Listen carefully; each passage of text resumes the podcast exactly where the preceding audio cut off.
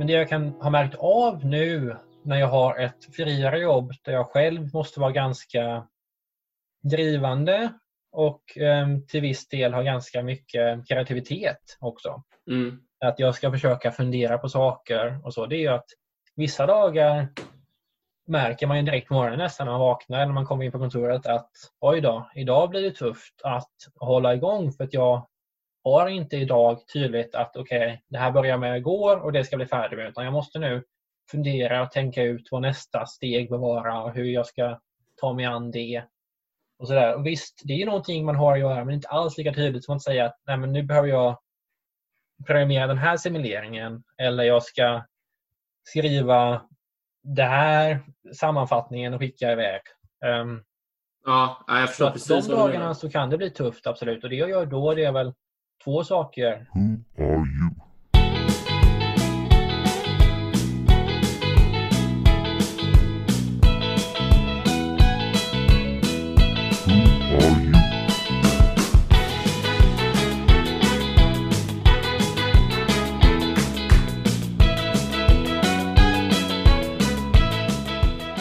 Då drar vi igång eh, Dollyspodden avsnitt eh, 7 och eh, i och med att eh, jag är skyldig till att dagens gäst sitter här så kändes det lämpligt att jag står för introduktionen. Det är en god vän till mig som jag lärde känna under gymnasiet och sedan dess har väl han valt ett något tyngre akademiskt spår och är numera doktorand på universitetet i Cambridge. Han heter Jonathan Adén. Välkommen Jonathan! Tack så jättemycket! Trevligt att uh, ha dig här. Jag tänkte vi kan väl börja med att du kan berätta lite om din uh, akademiska väg uh, sedan vi skildes åt från gymnasiet. Då. Ja, men absolut. absolut. Um, så jag gick ju med Oskar, då, naturprogrammet på Lindell i Kungsbacka. Mm. Men sen efter det så kände jag att jag var sugen på att testa någonting annat. Att inte bara stanna i Sverige. Så att jag valde att söka till universitet i England så jag sökte till flera stycken där och jag kom in på Imperial College i London där jag då läste fysik i fyra år och blev färdig där i ja, förra sommaren då, helt enkelt, 2019. Och sen därifrån gick jag vidare till att vara doktorand, som Oskar säger. Så jag började som doktorand i eh, Cambridge i eh, september förra året. Så jag har varit där nu i ett drygt halvår och hållit på med det. Just det, just det. Och hur, hur länge är man doktorand innan man eh, är doktor? Eller vad fan, ja, jag vet inte vad man, vad slut blir man? När man ja, man blir ju doktor då. Det är ju, det är ju målet ifall man tar sig igenom hela. Ja, just det. Så vi får se hur det blir med det, men eh, det ska säkert gå. Eh, men, nej, men det varierar ganska mycket beroende på vilket land man är i faktiskt. Okay. Så I England så är det tre och ett halvt till fyra år som gäller. Medan i Sverige till exempel så pratar man oftast fem eller sex. Och åker du till USA kan det vara nästan hur långt som helst. Många håller på kanske sju, åtta år i USA. Så det är ganska varierande faktiskt beroende på var man är någonstans. Okej, okay. tror du det är, det kanske är en känslig fråga, men tror du det är på grund av eh, kraven eller tempot? Eller att, jag tänker att de är doktorerade så himla länge i typ USA. Då. Jag tror att det handlar väldigt mycket om vad man kommer in med för bakgrund. Så i USA mm. så läser de ju, de har ett ganska annorlunda universitetssystem där. De läser på college först. Det. Och det är ju inte som att läsa på ett europeiskt universitet där man väljer en utbildning. Man läser till ingenjör inom ett ganska smalt ämne eller man läser fysik eller ekonomi eller så. Utan man läser ju ganska många olika kurser. Just det. Så, um, de är inte lika... samma spetsutbildning när de börjar Nej. som doktorander utan de första två åren kanske på deras doktorandutbildning är mer liknande en europeisk master kanske. Just det, okej. Okay. Var ligger Sverige i det sammanhanget? Eh, om man jämför med typ England? Jag tror att i Sverige så handlar det nog mer om att det finns mer pengar kanske att ta till, till viss del faktiskt. Ehm, att de inte har samma snabba system. Även en master tar ju längre tid i Sverige till exempel. Folk mm. Har möjlighet att studera längre för att vi har ett bra system med studiestöd och liknande. Och även att man kanske har lite högre krav på hur mycket man ska hinna med på en doktorandtjänst um, innan man är färdig. I uh, Sverige? I Sverige då. Mm, okay. mm. Ehm, Vill du berätta lite om ämnet du doktorerar inom där Jonathan?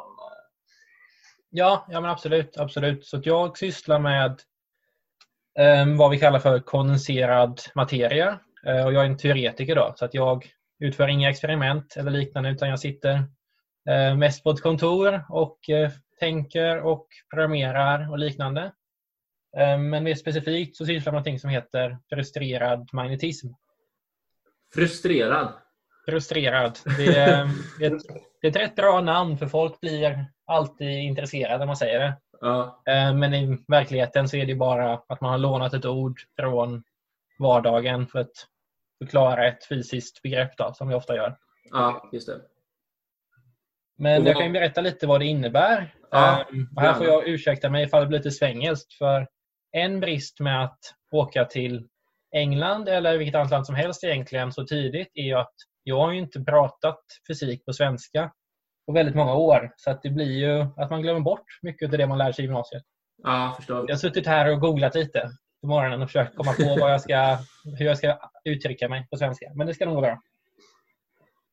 Men, Men- eh, ja, eh, jag och Oskar har läst eh, lite grann fysik på, på Chalmers då. Det ska bli väldigt intressant att se, se, se om man överhuvudtaget är benägen eller förmögen att liksom förstå, förstå vad det är du håller på med. Men vi, eh, det ska bli väldigt intressant att höra i alla fall.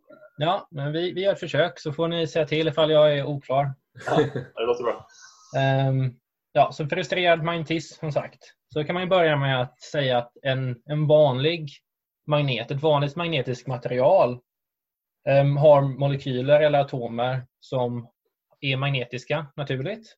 Mm, ehm, som har så kallade spins då, just det. som inte utesluter varandra utan som varje atom och molekyl i materialet har en spin, ett magnetiskt moment. Och um, egentligen så kan vi tänka på det här som små magneter, en vanlig sån um, avlång magnet med nord och sydpol. Att varje liten partikel i materialet um, har en sån inom sig. Just det. Och då, vad som uppstår i en vanlig kylskåpsmagnet, en så kallad ferromagnet, är då att ifall temperaturen är låg nog så är det fördelaktigt för de här spinsen att ehm, rikta in sig åt samma riktning på grund Mm. av vad som kallas väx- växelverkningar mellan grannarna. Så att partiklar som är nära varandra, de interagerar och det blir en lägre total energi i materialet ifall de får sina spins att peka åt samma håll. Och okej. Sluteffekten då blir då att materialet blir magnetiskt på makroskopisk skala. Så att alla de här små, små magneterna lägger sig åt samma håll och man får ett stort magnetfält som vi faktiskt kan mäta, man kan känna av. Du sa om det är tillräckligt kallt, eller sa du det? Ja, precis. precis. Okej, så det Ehm. är typ en kylskåpsmagnet hade inte funkat om, om den var svinvarm? Typ. Nej, jag tror att med en vanlig kylskåpsmagnet så pratar vi några hundra grader. Om du värmer den upp mot kanske 400-500 grader så kommer den förlora sin magnetiska förmåga. Mm, okej. Det finns även andra material som inte är magnetiska vid rumstemperatur men som kanske blir det om du sänker temperaturen till minus 100 grader istället. Just det. Och detta beror då enbart på att ehm, ja, temperatur det handlar egentligen bara om hur mycket um, kinetisk energi det är. Hur mycket små termo hur mycket små vibrationer det är i materialet. Slumpmässiga vibrationer som får partiklarna att röra sig. Det är ju det som händer när man värmer upp någonting. De här partiklarna rör sig mer och mer inom materialet på ett slumpmässigt sätt. Om man når, når över en viss gräns, en viss temperatur, så blir de här vibrationerna så starka att de här spinsen istället bara ställs in sig slumpmässigt. Den här Ja. viljan att lägga sig åt samma håll finns fortfarande, men den liksom vägs upp av all termisk energi som finns i materialet. Den blir, blir den då typ mindre i proportion kan man säga till Ja. krafterna som inte linjerar upp dem i samma riktning? Precis, precis. Okej. Ja, jävligt. eh, Man lär sig ju sjukt mycket redan fem minuter in här. Ja. Eh, Ja, Grymt absolut. intressant alltså. Så det är då en vanlig magnet. Ehm, och sen då frustrerade magneter, de är lite mer spännande. En vanlig magnet är, det är häftigt och man kan förstå någonting som finns i verkligheten. Men det är också någonting vi har förstått länge. Men Mm. frustrerade magneter är en ganska ny grej. Det är ett ämne som inte har pratats om så länge utan upptäcktes kanske 30-40 år sedan. Att det började pratas om det teoretiskt sett och sedan ganska nyligen, ungefär 20 år sedan, så började man upptäcka riktiga material som faktiskt beter sig på det här viset. Men vad det egentligen handlar om då det är att varje partikel, eller i alla fall vissa av partiklarna i ett material har växelverkningar som strider mot varandra. Så de växelverkningarna med grannarna är sådana att man inte kan eh, få alla tillfredsställda samtidigt. Vänta, jag ska bara så ut. Växelverkan är, växelverkan är bara att de, påverkar, de har krafter som påverkar varandra på något sätt, de här partiklarna? Ja, ja, precis. Det är bara ett ord för att närliggande partiklar, grannarna som vi kallar dem för, att Mm. de interagerar med varandra. Att det på något vis finns någon form av samtal, informationsdelning mellan dem som gör att de vill anpassa sig efter varandra. Ja, just det. Mm. Men i det här fallet då så har de ju varje partikel har naturligtvis flera grannar. Och ifall Mm. de här interaktionerna, de här växelverkningarna är olika så att kanske grannen till höger säger att du ska peka uppåt som grannen till vänster säger nej du ska peka neråt. Mm. Då Då blir, blir han frustrerad. blir det frustrerat säger man. Helt enkelt. De kan inte bestämma sig. Mm. Ehm, och Effekten blir ju då att vissa av de här, som sagt, vissa av spinsen har många olika lägen som alla är, har samma energi. Så de har olika lägen som alla är, lika um, energetiskt fördelaktiga. Och ehm, det blir många möjliga grundlägen i materialet. Grundläge är då det läget i materialet som har allra lägst energi. Och det är dit som du kommer sträva om du sänker energin. Just det. Något vi lärde oss i gymnasiefysiken är ju typ att eh, liksom, naturen kommer alltid göra så att eh, ämnen väljer den minst energiinnehållande eh, möjliga strukturen, eller vad man nu ska säga. Ja, precis. precis. Det Och du det menar då att här finns det många olika lägen som alla har ungefär exakt lika låg energi och då, blir det, då finns det ingen, inget givet eh, resultat. Eller vad säga. Då kan det pendla mellan olika lägen. Typ. Ja, precis, precis. Du snappar upp detta snabbt. Eh, Men det är, det är exakt det det handlar om. Att vi får många olika lägen som, som, som är lika fördelaktiga och att det då kan pendla mellan dem. Mm. Eh, Och Det ger ganska mycket intressanta möjligheter för användning faktiskt inom främst IT då på olika sätt och vis. Så Det är det som är slutmålet med den här typen av forskning men det är, det är långt, långt kvar innan de här materialen faktiskt hamnar i en riktig, ja, i en telefon eller dator eller liknande. Men det kanske är framtiden. Mm. Vi, vi ska inte bli för, eh, gå in för mycket i detalj på detta, men jag måste bara fråga hur, vad, eh, om du snabbt kan förklara vad, hur det kan användas i IT. Eh, Jo, men det, om det går.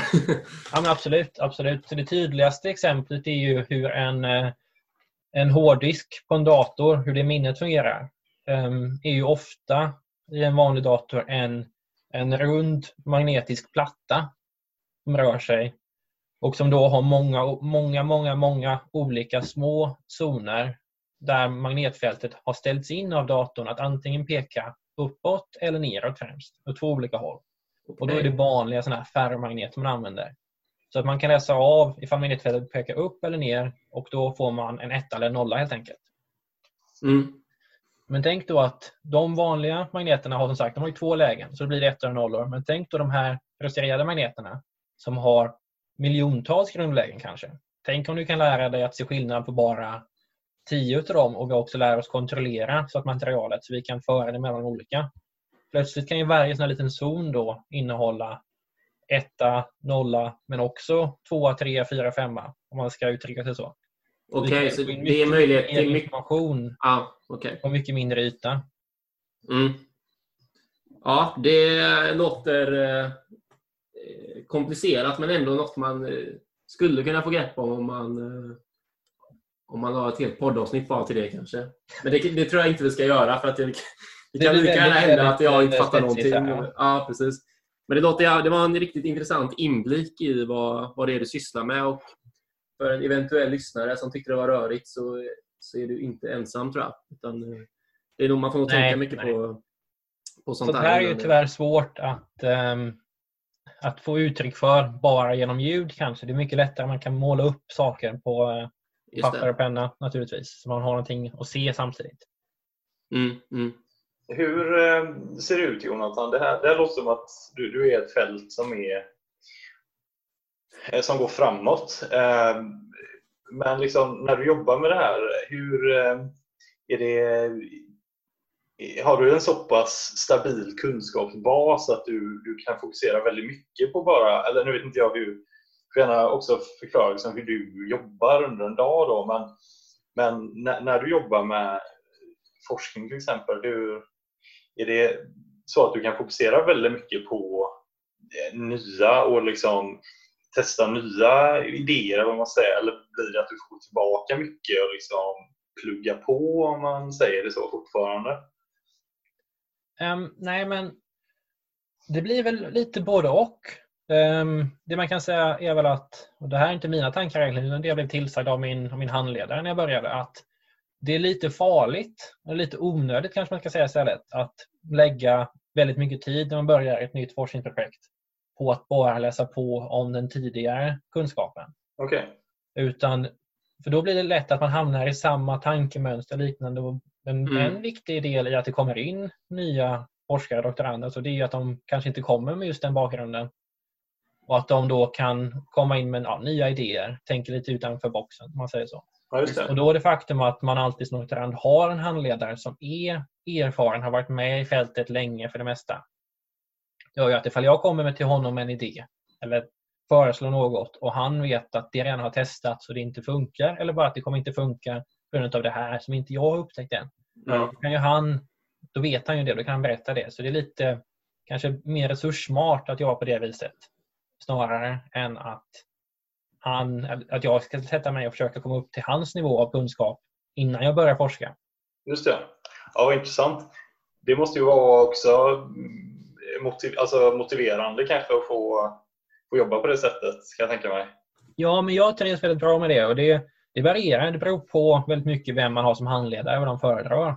Jag har ju vissa kompisar och kollegor som har lagt kanske första fyra, fem, sex månaderna av sina doktorandtjänster på att enbart läsa på om sitt fält och försöka komma ikapp med allt som gjorts tidigare. Så. För det är ingen som kommer in eh, på en forskarutbildning på det viset med all kunskap inom fältet. Nej. För det, är ju, det, det krävs ju ganska mycket heltidsarbete för det och det, lägger man inte riktigt som masterstudent. Nej, förstår. Men hur, eh, är det en, eh, i detta fall då en kille som du har som handledare hela tiden eller? Ja, jo men precis. Så, det, så är det att man, man har ju sin handledare så ofta så får man ju tjänsten genom att han ansöker efter doktorander. Han har någon tanke på någonting han vill jobba med eller han har Mm. em, finansiering på något vis. Nu säger jag han, men det är klart att det är hon också. De Mm. har det. I mitt fall är det ju en, en man då. Ja. Ehm, men sen så innebär inte det att man bara jobbar med dem i tre, fyra, fem år naturligtvis. Utan vissa gör nog det, men de flesta kommer ju även att jobba med andra som är lite mer erfarna. Det kan vara folk som är någonstans mitt emellan som har doktorerat men som inte är erfarna nog att ha egna doktorander än men som kanske man kan jobba med under ett tag. Eller att det är någon annan professor eller liknande som sysslar med närliggande saker som man gärna vill jobba med lite. Då brukar det gå om man har någon idé och att man kontaktar folk och så. Och det är ingenting som ens egen handledare bör vara eller kommer vara upprörd över och tycka att det är fel utan de gillar ju samarbete. Jag tror att det är lite, ibland hör man lite att det finns en myt av att det är väldigt mycket konkurrens och att väldigt mycket hemlighetsmakeri inom forskningen. Att folk försöker liksom, ja, mest kämpa mot varandra och att man ska vara först med allting och så. Så Ah, det är okay. en viss del, utan tvekan. Mm. Men det är ju även otroligt mycket diskussioner. Jag tror knappt det finns något forskningsprojekt som enbart drivs på ett universitet. Utan man har alltid samarbetspartner på andra ställen också. Just det. Det där med rivalitet leder mig in på... Jag läste en mäktig anekdot eh, nu när jag, jag surfade lite på Wikipedia om eh, Cambridge. Jag vet inte om eh, du känner till det Jonathan, men det stod där att Cambridge bildades av ett gäng lärare och studenter på 1200-talet som var missnöjda med studierna på Oxford. Ja, jo, men jag har också hört det. Ehm, absolut. Det är väl en sån grej som just eftersom det finns så mycket rivalitet mellan Cambridge och Oxford så blir jag alltid lite lite tveksam till sådana här grejer. Förstår. Speciellt när det är så gammalt. Ja. Ehm, Men det är väl sant att det fanns ju ett universitet i England på den tiden. Och det var ju Oxford. Och anledningen till att de öppnade i Cambridge var utan tvekan att det var någon form av splittring där. Ehm, Men sen exakt hur den såg ut, det, det vågar jag väl inte uttala mig på. Nej, nej, just det. I alla fall så leder det ju snabbt in på tankar kring liksom, eh, det låter som en bra grogrund för rivalitet. Eh, en sådan slittring. liksom. Och sen har man genom ja, typ 800 år då eh, varit bland de främsta universiteten i, i världen. Eh, både Cambridge och Oxford då, får man väl säga. Så det har du några Liksom, jag vet ju ingenting, men finns det några tydliga liksom, tecken på rivalitet mellan skolorna? Tävlingar eller sånt? Typ? Eller? Jo, jo, men absolut, det finns det ju. Cambridge och Oxford är ju speciella universitet. Både för att de är så gamla, eh, men även på sättet de är uppbyggda och liknande. Att det finns ingen annat universitet som riktigt kör samma system i sin undervisning som de två gör. De är i mångt och mycket betydligt mer lika än de är olika varandra. Men det gör ju också Mm. att ofta blir det ju så att man har två, man enbart har två ställen som ja, drivs på samma sätt så blir det ju rivalitet naturligtvis och konkurrens. Just det. V- Vad är det de har gemensamt typ, som skiljer sig från resterande universitet? Ja, den stora skillnaden är väl att de har någonting som kallas för college-systemet. Mm. Ehm, som innebär att de har, det är ett universitet, Cambridge är ju ett universitet, men det har också upp, det är uppdelat i 31 stycken olika college. Mm, det såg jag också när jag surfade på Wikipedia. Ja, och varje college ehm, har ju då både en ansvar att ta hand om sina studenter. Det är mer överlag har jag märkt i England att folk tar, försöker ju, att universiteten har mycket mer ansvar för att ta hand om sina studenter. Mm. eh, än vad man har i Sverige. I Sverige ser man ju verkligen, man behandlas som en vuxen när man är på universitetet. Det är inte universitetets uppdrag att se till att, du, att er hemmasituation Mm. även är bra på det viset kanske, även om de oftast bidrar på olika sätt med någon form av ja, mental hälsa, att man kan få hjälp med sånt och sådär. Eh, Men Ja, det är precis. mycket, starkare tryck på det i, i England. Men just i Mm. Cambridge och Oxford då, Mm. då blir det ju att collegen blir ju oftast där folk bor. Så många bor ju på korridor på sina college. De har alla egna idrottsföreningar, så det blir mycket rivalitet på grund av det mellan collegen. Och sen så bedrivs mycket som är ganska småskalig undervisning. Så att det är mycket i smågrupper man sitter. Att man kanske har en professor som jobbar på ens college som man träffar en gång i veckan. Då kanske det bara är en till student med. sitter man i en timme varje vecka och pratar med den här experten.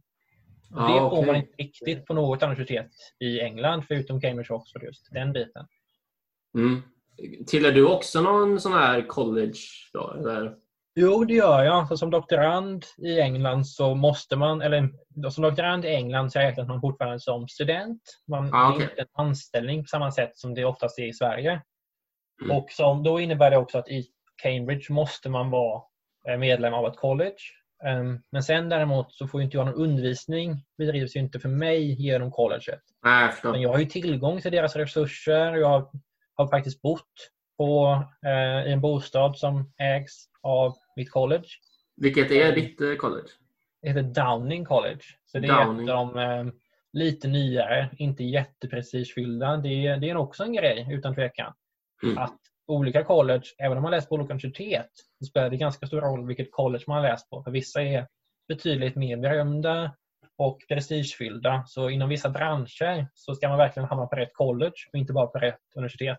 Ja, just ja. Okej. ja det, man ser det här, eh, till exempel, jag uppe Downing som du går, eh, startades, eh, eller grundades 1800, står det här på Wikipedia. Mm. Så det är Och- ganska nytt då för, för, för Cambridge just. Ja, just det. Nytt. Ja, för det Jämfört finns med universitet. Mm, ja, just det. Det är ju verkligen allt möjligt här. Från Churchills College som grundades 1960 till Corpus Christi, om jag nu uttalar det rätt, som bildades 1352. Typ. Ja, ja men precis. Så det att det är... äldsta som finns kvar fortfarande är från 1200-talet. mm, nu ser jag Peterhouse här, 1284. Ja, precis. Det kanske finns något ännu äldre. Men... Det är Nej, det är, nog, det är det äldsta jag, om jag minns rätt. det är ju riktigt häftigt eh, med, så, med den eh, så lång tradition. Liksom. Eh, Verkligen alltså. Men, men vad, hur... Du sa det, det, det kan spela roll då vilket college man hamnar på. Men hur, hur, stor, hur stor kontroll har man över var man hamnar? Liksom? Så som eh, så kallas för undergrad i England, alltså när man söker sin första universitetsutbildning, har man eh, stor kontroll över det. För där söker man inte till universitetet direkt, utan man söker till ett college Ah, okej. på universitetet. Så då får man ju vara lite taktisk och tänka att de som är väldigt prestigefyllda får naturligtvis fler ansökande. Så man får ju försöka lägga sig på rätt nivå där. Att man kanske vill spela säkert och lägga sig på de som får eh, minst antal ansökande. Just det. Eller så är man väldigt självsäker eller väldigt driven för att man vill hamna just på ett av de riktigt gamla eh, prestigefyllda. Då söker man dit, men då blir det tuffare att komma in. Just det, Däremot- okej. Som doktorand så söker man ju inte till college utan jag sökte ju till min forskargrupp direkt. Och sedan så blir man tilldelad ett college ehm, utan att de egentligen bryr sig så mycket om vad man sysslar med utan de accepterar en, de läser ens ansökan. Men om du, kommer, om du blir antagen av en forskargrupp i Cambridge så kommer du alltid få ett college. Ehm, och så kan man önska vilket det blir. Så jag önskade då Downing för att jag tyckte att det lät som det låg på en lagom nivå, lagom gammalt och allt sånt där. Jag var inte riktigt sugen på det här medeltida ehm, som har otroligt mycket regler ofta och eh, underliga traditioner som kan vara charmiga men som kanske inte passar för alla för värlig. Nej, okej. Har du några exempel på någon eh, sån eh, eh, riktigt eh, gammal tradition som man märker som typ student på Cambridge? Nej men absolut, absolut. Det finns mycket som är lite underligt som pågår. Ehm, Det vanligaste exemplet som många turister märker av det är att man får inte gå på gräsmattan om man inte är en eh, professor. Oj, De här collegen har ju oftast väldigt välskötta, ganska stora ägor. Men du får bara gå på gångarna om du är vanlig student eller besökande. Men du får gå på gräsmattan om du är professor eller om du håller på och pratar med en professor medan du går. Då är det okej. Jäklar, det var riktigt, eh, riktigt gött alltså. Det är ju även att när jag började så var jag tvungen, hade blivit en, en ritual får man nästan säga, när jag var tvungen att gå in till den som kallas för master som är eh, ja, högsta höns på mitt college och någon annan som satt. Så är man iförd sin högtidsdräkt, lite som eh, tänker Harry Potter när de sitter i sina Mm. eh, kappor. Mm. Och eh, så skulle man läsa upp några ord med att man lovade att hedra och värna om sitt college. Eh, stolthet och att vara en bra eh, representant för det och liknande. Det, är sånt som man kanske inte skulle göra på något annat ställe för värling. Nej, nej. Lite om man avlägger en ed när man börjar på det viset. Ja, jävligt spännande. Alltså, jag förstår vad du menar också. Att det är såklart, det är ju, finns ju verkligen sin charm i det, men kan ju också vara beroende på vad för sorts regler det är. Och, eh, kanske inte för alla. Liksom. Eh, Nej, vad vi också har är att vi har formella middagar som, som ligger. Så varje college har ju en matsal. Tänk, ja, än, en gång, tänk lite Harry Potter. Man sitter med de här långa borden. Sen just den Ja. salen de har är ju otroligt magnifik. Så stora är ju inte våra för det mesta. Men den Mm, salen de mm. använder är ju just en sån college-matsal i Oxford tror jag, som de spelar in det i. Okej. ju även av den storleken. Då. Okej. Eh, Men då har vi, de flesta college har flera gånger i veckan att man kan gå dit. Och då är det ju att man ska ha på sig kostym, slips och sin såna här eh, gown som vi kallar det för, över. Hur, hur ofta sa du att man skulle gå dit? Ja, det beror lite på vilket college man är på. De största har det varje kväll. Eh, Och mitt hade det tre gånger i veckan. Men sen så måste man inte gå dit varje gång. Utan det, det får man betala för. Så att det är väl Okej. lite motsvarande till, till sittningarna som man har på svenska universitet. Ja, Med men, eh, skillnaden att det är ganska strikta regler. Du får till exempel inte resa dig upp medan måltiden är igång utan bara mellan rätterna. Och det är ju då oftast med akademiker som sitter uppe vid ja, det högsta bordet som man kallar det för, då, där framme. Och man eh, måste resa sig upp till exempel när de går in så de står på en gånggång. Och sen ska alla som sitter i salen resa sig upp. Och sen de på en så sån gånggång? In. Ja, en gång heter det väl kanske. en sån eh, stor symbol typ. Liksom. Ja, precis. Liksom. Så man bär in och så slår man med en stor klubba på den och så ska alla resa sig upp tills eh, akademikerna har kommit in och de har bett bordsbön på latin naturligtvis. Ja, Sedan får man sätta sig ner och äta och sådär. Så det, är, det är häftigt. Men eh, då vissa av de väldigt traditionsbundna gamla collegeen kräver att man går på en sån en eller två gånger i veckan. Vadå? Just det. Eh, vilket för mig, alltså det är häftigt. Men att ta på mig kostym och äta en sån middag flera gånger i veckan är inte riktigt någonting jag alltid är sugen på faktiskt. Nyheten Nej. ska ha försvinner ju efter ett tag kan man säga. Mm, mm. Det känns som att det, ehm, det kan bli en viss liksom, eh, om man säger, dissonans mot dagens samhälle. Typ. Eh, Jag kan ju tänka mig att det kan bli en del att det kan bli eh, pressande att liksom leva upp till, eh, till den typen av eh, om man kallar det förväntningar. Då. Alltså, märker man att det är Märker man av att det är folk som mår dåligt av det eller, eller är det något som de, de som är med i det generellt trivs med det? Typ, eller ser man något sånt? Så när det gäller studenterna så är det väl så att eftersom inte jag läste min undergrad i Cambridge Just det. Ehm, och jag nu kommer in som doktorand då och umgås främst med andra doktorander och till viss, viss grad masterstudenter då, som också är vad vi kallar för postgrads. Mm. Så kommer vi från en ganska mycket mer spridd bakgrund ehm, än vad de som är undergrads gör. För de har nog ofta, det är fortfarande så att det är ganska snobbigt om man ska uttrycka sig så. Det kanske är ett dumt uttryck att nyttja här. Ehm, för det är klart att det finns många som inte är det också. Men det är fortfarande så att det är lite överrepresenterat av överklass Mm. eh, på de här universiteten. Just det. Och att det är klart att det blir ju att man ska på sig de här fina kläderna, man ska gå på de här fina middagarna, man ska köpa med sig vin och allt sånt där. Det kan säkert bli att det blir en viss ekonomisk press på många.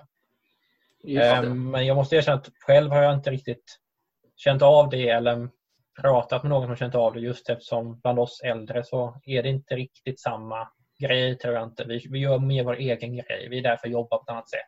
Mm. Vi kommer ändå från så spridd bakgrund att det inte blir samma riktigt. Just det. Ja, det var riktigt fascinerande att höra. Alltså, det var in, inte som jag trodde. Det är verkligen Harry Potter-vibes när du beskriver det här med den här gång, gången, eller vad det nu heter, en sån symbol. Och, Ja, jo, men Eh. absolut. Absolut, det är det. ja. Sen så är det inte jättestelt alltid för det utan det, det är de här traditionerna man håller på men sen när det är färdigt så brusar det upp och man sitter och pratar och man kan skratta och det Mm. kan sjunga Ja, sånger och allt sånt där också för en delen. just det. Just det. Ehm, en sak man kan märka av utan tvekan, ehm, både på elever, studenter, men även kanske till viss del tycker jag på akademikerna som jobbar där på personalen, är ju att det faktum att det finns så här många middagar, många går på väldigt många, gör att det, det dricks en hel del utan tvekan. Mm. Det är ju nog många som utvecklar alkoholism faktiskt. Ehm, Jag har märkt ibland, jag var med på en middag med ehm, jag blev inbjuden till en middag med enbart akademiker på mitt college. Mm. Och nu hoppas jag att ingen av dem sitter och lyssnar på det här, men det är på svenska så jag är nog rätt säker.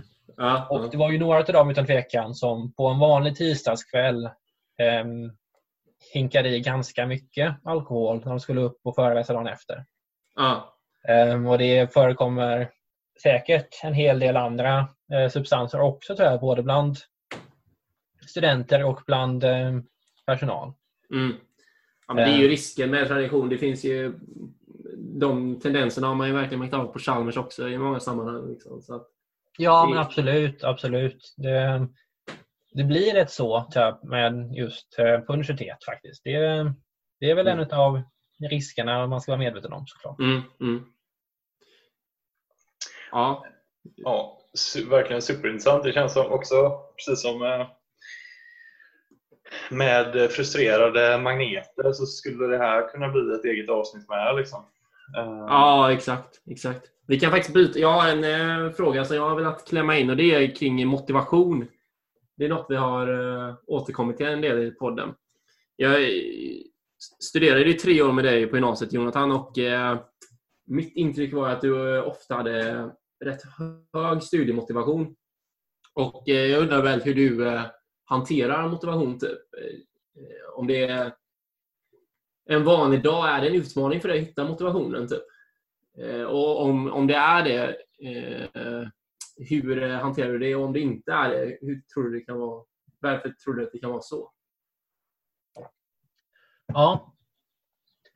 Ehm, nej men det jag kan säga är att jag, är- jag är nog en sån person som om jag har väldigt klart och tydligt för mig vad jag har att göra Mm. så har jag inte svårt för att bara ta tag i det. Utan ifall, speciellt kanske som man kände av när man gick i gymnasiet, att man hade ganska tydlig struktur att du har den här uppsatsen i svenska man ska skriva tills dess och den ska vara så lång, den ska handla om det här. Du ska räkna de här bitarna av matteboken för då vet du att du blir färdig Mm. tid till ehm, provet och allt sånt här. Det, det, det hade jag aldrig problem med och det har jag fortfarande inte. Men det jag kan ha märkt av nu när jag har ett friare jobb där jag själv måste vara ganska drivande och ehm, till viss del ha ganska mycket kreativitet också. Mm. Att jag ska försöka fundera på saker och så. Det är ju att vissa dagar märker man ju direkt på morgonen nästan när man vaknar eller när man kommer in på kontoret att oj då, idag blir det tufft att hålla igång för att jag har inte idag tydligt att okej, det här börjar med igår och det ska bli färdigt med utan jag måste nu fundera och tänka ut vad nästa steg bör vara och hur jag ska ta mig an det. Och sådär. Och visst, det är någonting man har att göra men inte alls lika tydligt som att säga att Nej, men nu behöver jag programmera den här simuleringen eller jag ska skriva det här sammanfattningen och skicka iväg. Um, Ja, ja, jag så förstår att precis de dagarna så kan det bli tufft, absolut. Och det jag gör då det är väl två saker. Um, det första är att jag upptäckte detta ganska snabbt, att vissa dagar försvann för att jag hade svårt att komma igång just. Mm. Och då har jag skaffat mig vanan att varje dag avslutar jag med att skriva en tydlig lista över att det här vill jag få gjort imorgon. Mm. Och sen dagen efter när jag kommer dit så då ser jag till att antingen går jag inte hem förrän jag är färdig med det eller så går jag hem vid sju på kvällen. Vilket som nu kommer först helt enkelt. Ja, förstår. Ehm, och Då blir det ju att man jobbar på på ett annat sätt. Utan Mm. tvekan. Så det, är- det är ett knep som jag har. Och Sen också att acceptera bara att när man ska sitta med den här typen av jobb, och många jobb är ju sådana nu att man ska ha ganska mycket kreativitet. Man måste fundera ut saker. Det är inte svart och vitt exakt hur du ska utföra på arbetsuppgifter varje dag. Mm. Ja. Vissa dagar så är det tufft och då kanske det är bättre att acceptera det och säga nej men nu går jag hem vid tre idag för jag kommer ingen vart. Och sen så jobbar jag längre imorgon eller jag försöker igen ikväll efter middagen eller till helgen eller så. Man har ju den friheten. ehm. Har jag i alla fall. Att jag, jag kan göra det. Så länge jag sköter mig så är det ingen som bryr sig om exakt när jag utför arbetet. Mm. Men det är klart, Hur, där är det en lyx som jag har som teoretiker. Som jag tror att många, ifall det sitter folk som är forskare eller doktorander och sysslar med experiment och lyssnar på detta så svär de nog lite åt mig nu. För att eh, de har inte den möjligheten alls utan ofta är det snarare så att när de har startat ett experiment så måste de jobba ja, kanske 40 timmar i sträck för att få det färdigt. Det är ju helt annorlunda. Exakt. Samtidigt kanske de då också har en hyfsat tydlig struktur över liksom vad som ska göras och inte ställs för samma utmaning rent på det planet. Att man, det du beskrev där, man, man vet inte, Ja, Vad det man ska absolut. absolut. eh, gissar jag. Jag kan ju inte så mycket om experiment, men det känns ju som att man har ju någon slags eh, motsvarande en eh, så här labbinstruktion som vi hade i gymnasiet på något sätt när man går in i ett experiment. Liksom. Ja, jo. Skillnaden är väl att de måste skriva den själva först. Ja, precis. Att när de väl har utformat ett experiment, då ska de ju bara följa det de har planerat ifall ingenting oväntat kommer upp såklart. Och, Mm. eh, ofta har de ju då tydliga arbetsuppgifter under en, en period i alla fall innan de måste Mm. utvärdera hur det gick och vad de bör förändra och sådär. Mm, just det. I alla fall om det är ett, ett välplanerat experiment. Jag vet inte om det alltid är det eller om de så här... Det är, Ja, är det säkert oftast men det hjälper ju inte alltid att det är välplanerat ifall det inte funkar ändå. Nej, det är nej, just det, mycket precis. små saker man kan Mm. förbise. Mm. Är det, eh, blir det viktigt med eh, wellness som man säger så för det? Alltså träning eller meditation eller vad det kan vara? Ehm, ja, utan tvekan. Ehm, för mig så handlar det väl kanske nästan främst om umgänge. Att jag är nog sån att ifall jag är på egen hand, ifall jag inte får det här avbrottet med att jag är med någon annan och pratar om någonting helt annat Mm. ett tag så är det svårt att släppa jobbet när man går Mm. hem. Och även på morgonen. Att även om jag går ut och springer eller jobbar, går till gymmet eller så.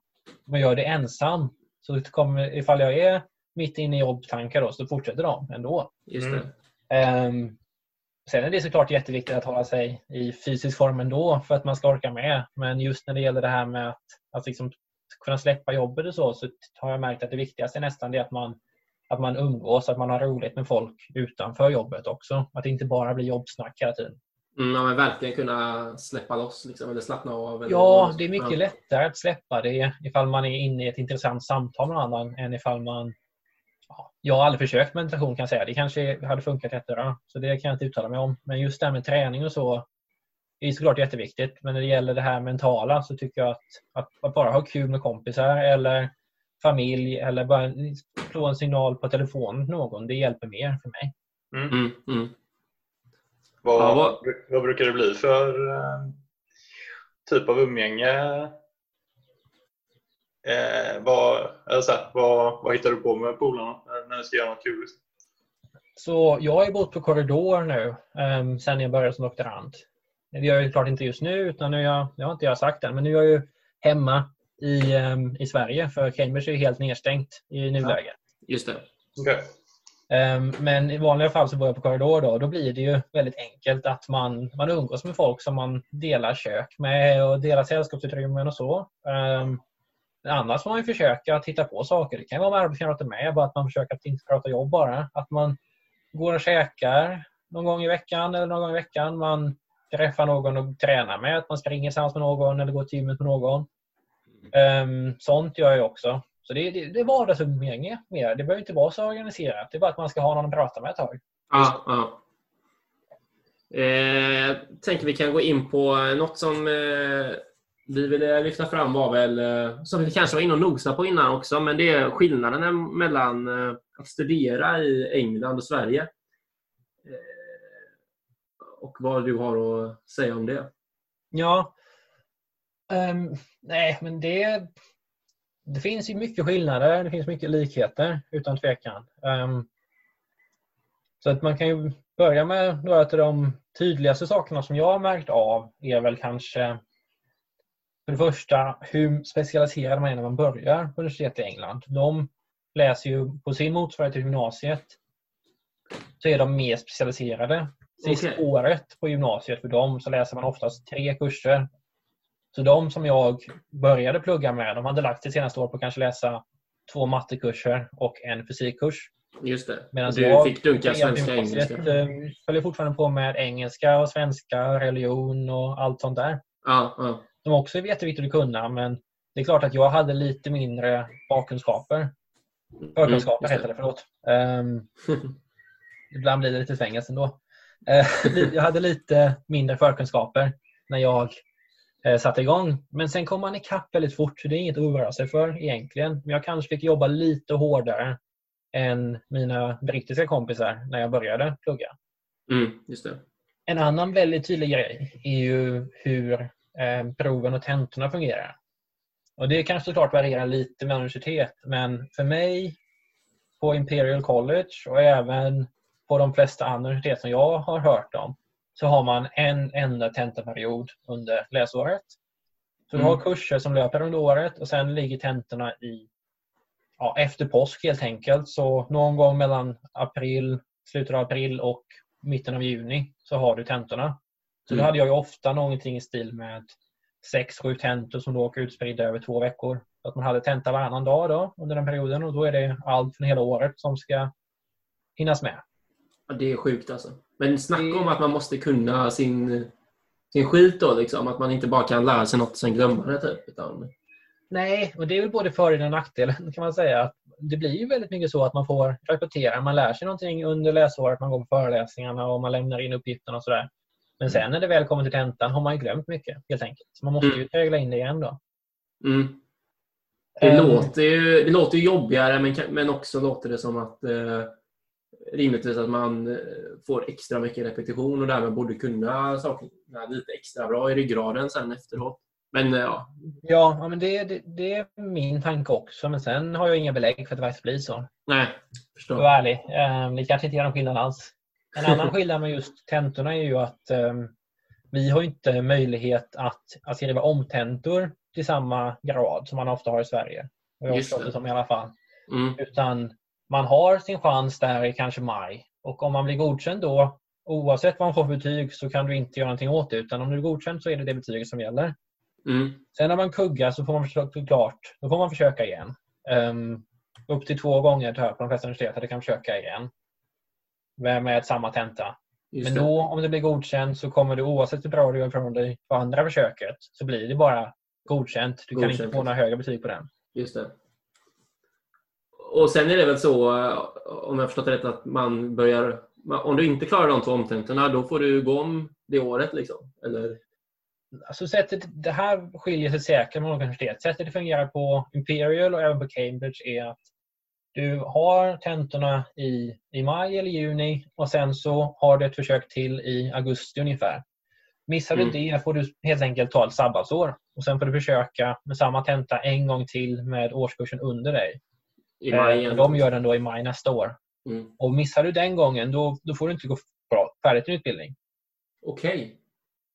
Fy fan vad nervöst. Sen så ska man komma ihåg då att just eftersom de har ett sådant här system så är det ju inte gjort för att många ska kugga. Man hör ju, jag vet ju baserat på mina kompisar att vissa tentor på till exempel Chalmers kanske 20-30% kuggar. Mm, ja, det finns, eh, det finns värre. Vi hade någon, någon tenta, Mattias, där 60% kugga i fysik. Ja, det, det var- det tror jag dock inte beror på eh, den extrema komplexitetsnivån utan snarare på en hög prokrastineringsgrad hos klassen. eh, Mångt mycket Ja. skulle jag säga. Men, eh, men ja, i alla fall så är statistiken sådan. Ja, jag tror att på de tentorna jag har haft har det aldrig varit mer än säg 5% som har kuggat. Mm. Okej. Så det är, ju, det är ju gjort för att man ska... Det ska inte krävas jättemycket för att bli godkänd helt enkelt. Nej. Eh, För att just eftersom du inte har möjlighet att testa igen. Så att du ska kunna ta dig igenom utbildningen utan enorm ansträngning. Det går, men då... Sen däremot om man ska upp till de högre betygen får man såklart jobba mer, men så är det överallt. Så att man, det, det låter Mm. kanske läskigare än vad det är på grund av Jag det. fattar. Hur är det, hur är det dina kollegor där på Cambridge? Är det, är det mycket inspirerande individer? det, det finns ju alla typer kan man säga. Ehm, det finns många som är jätteimponerande. Man träffar på mycket folk som är väldigt, väldigt intelligenta och otroligt drivna. Ehm, men även många som, som inte är det, det får man väl säga. Det, det är svårt, man ska inte säga att de är som vem som helst, för det är en sån här grej som inte betyder så mycket egentligen. Ehm, men, men visst är det så att man ska inte man hör ju ofta när man säger att man håller på med fysik. Det är många som, som verkar tycka att det är väldigt speciellt och att de har en bild av att många som gör det är otroligt intelligenta ehm, och kanske ofta lite udda. Kanske många faktiskt har en bild av. Mm. Och det kanske vi är. Det kanske bara jag också, som också är det, så jag märker inte det. Märker ingen det? Nej, det kan vara så. Eh, Det får alla lyssnarna själva skapa Ja, sig en bild av efter det här. Ehm, Men, men min uppfattning är väl egentligen att ehm, det är lite av en myt. Visst finns det många som är lite udda och de kanske är något överrepresenterade inom fysiken. Det, så kan, det kan jag nog erkänna. Mm. Det är nog oftast inte de som går vidare faktiskt och ehm, jobbar som forskare och så. För att det det krävs lite för mycket samarbetsvilja Just det. och, eh, och att, ja, bara personlig kompetens egentligen för att man ska, man ska bli antagen. För att det sitter, de som sitter och intervjuar en och så, de vill ju ha in folk de vill ha som medarbetare under Mm. många år framöver. Och Mm. det gäller ju inte bara att man visar att man kan få bra betyg då, utan även att man klarar av allt annat.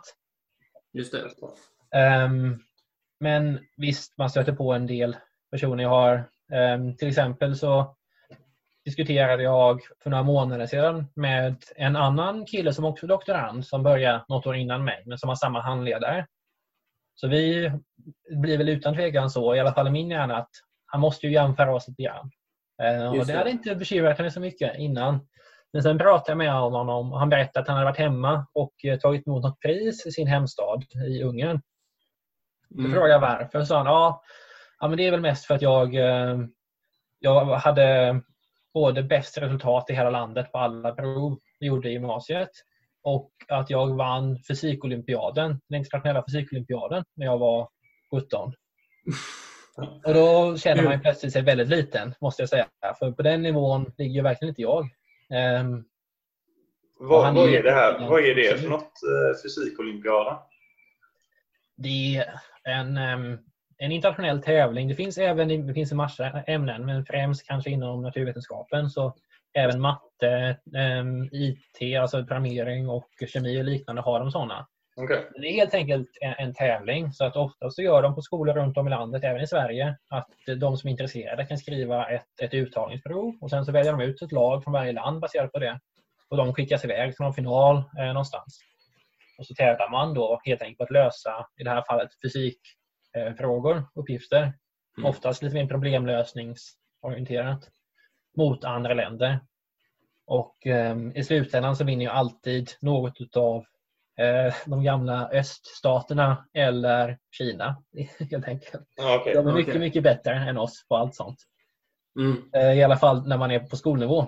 Sen tror jag att vi i väst kommer ikapp efter det. Men, eh, Okej. men- det de kan ha lite hårdare det- disciplin tidigt i åldrarna. Liksom, eh, ja, de kanske har, om man ska vara krass, lite mer eh, press på sig i skolan. Ofta. Eh, Mm. De får nog jobba lite hårdare än vi får göra.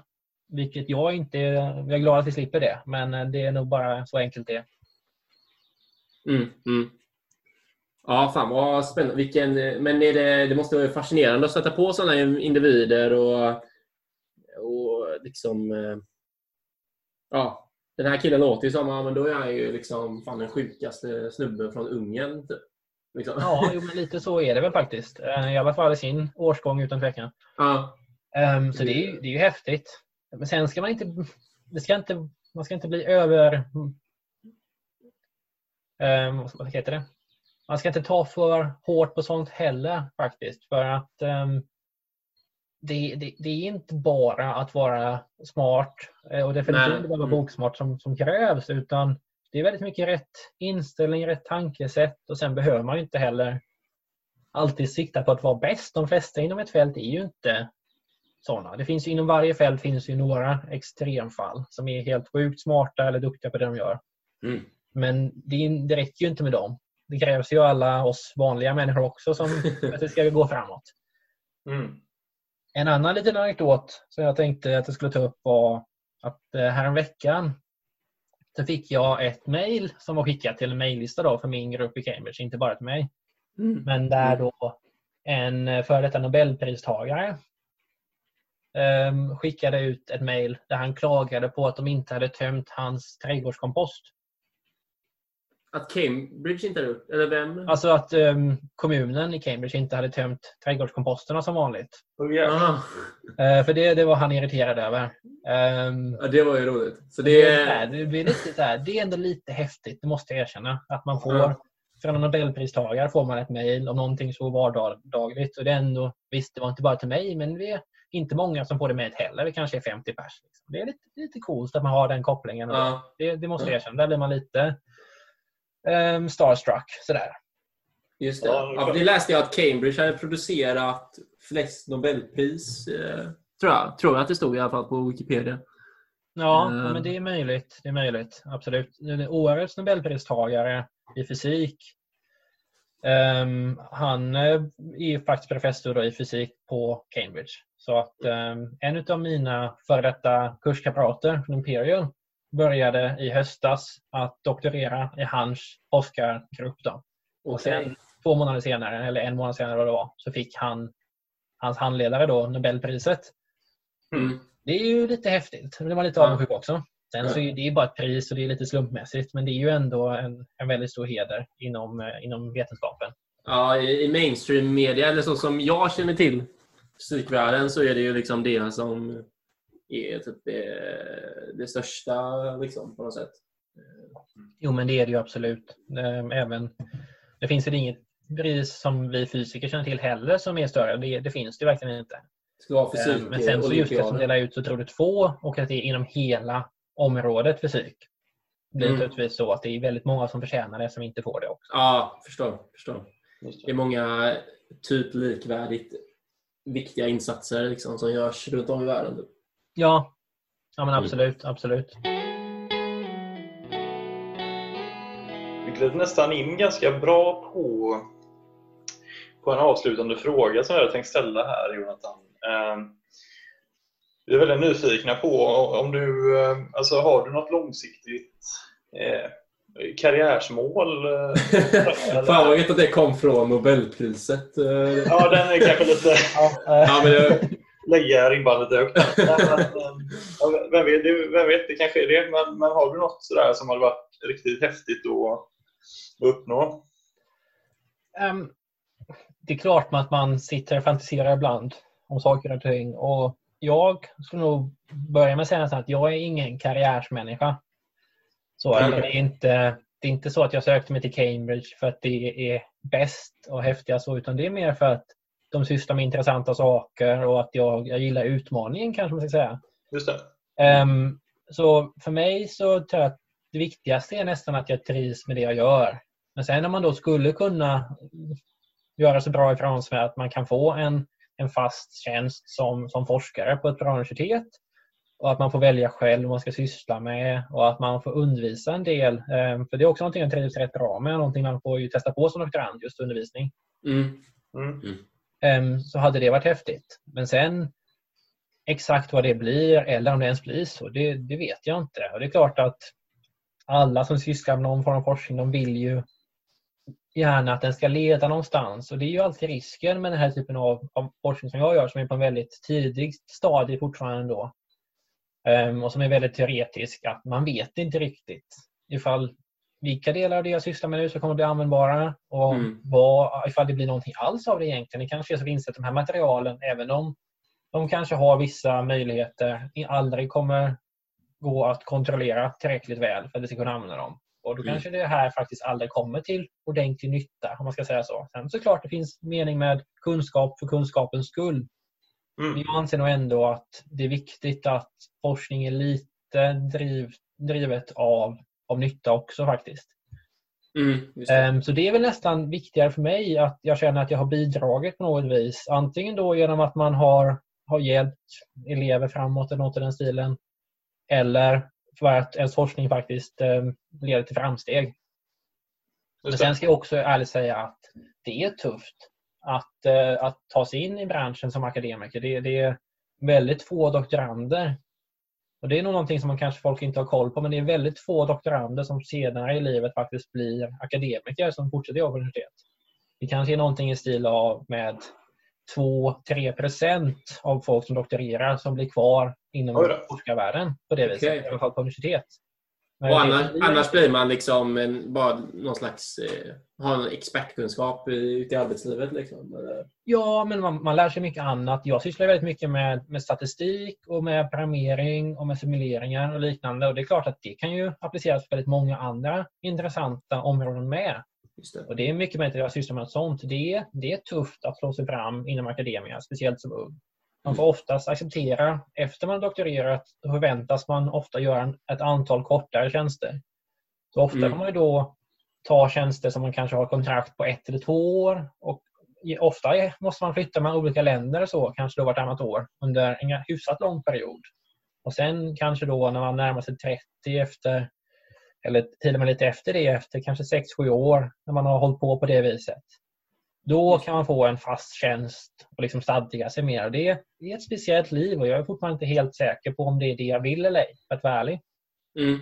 Ehm, Det får ni kanske fråga mig igen om, eh, om tre år. Då, Kör Dollyspodden färdig. 2023. Ja, precis. Får vi se vad jag, om jag har ändrat uppfattning. det, är, det är klart att man börjar ju inte som doktorand om man inte känner att man vill syssla med forskning. I alla fall um, på hyfsat lång sikt. Mm. Det är många som inser också under tiden att det är en speciell bransch. Och även om jag har tyckt väldigt mycket om det hittills så kanske det inte kommer vara så om tre år. Och även om jag tycker väldigt mycket om det då kanske det inte är värt de uppoffringar man får göra ändå i livet för att bli en akademiker.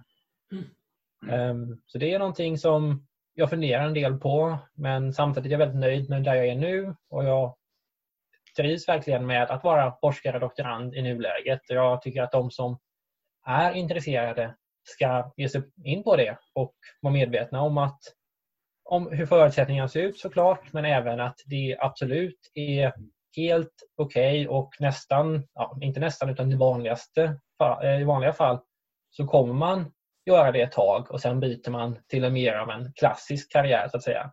Just det. Och det är absolut inget konstigt med det och inte svårt heller. Härlig avslutning. Skitkul att ha med dig i Dålis-podden, Jonathan. Ja, Verkligen. men det var kul. Det var kul att vara med. Jag hoppas att eh, hoppas det var intressant för er.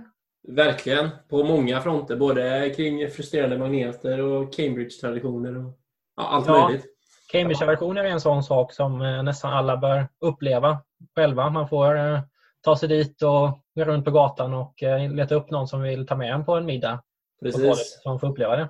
Jag hade ju ett inplanerat eh, besök till dig eh, nu i vår, men eh, på grund av coronaomständigheter lär det väl flyttas framåt i tiden. Men det har varit riktigt roligt. Och, Ja, ja men det, det får vi se till att det blir av i framtiden. Får bara avvakta lite.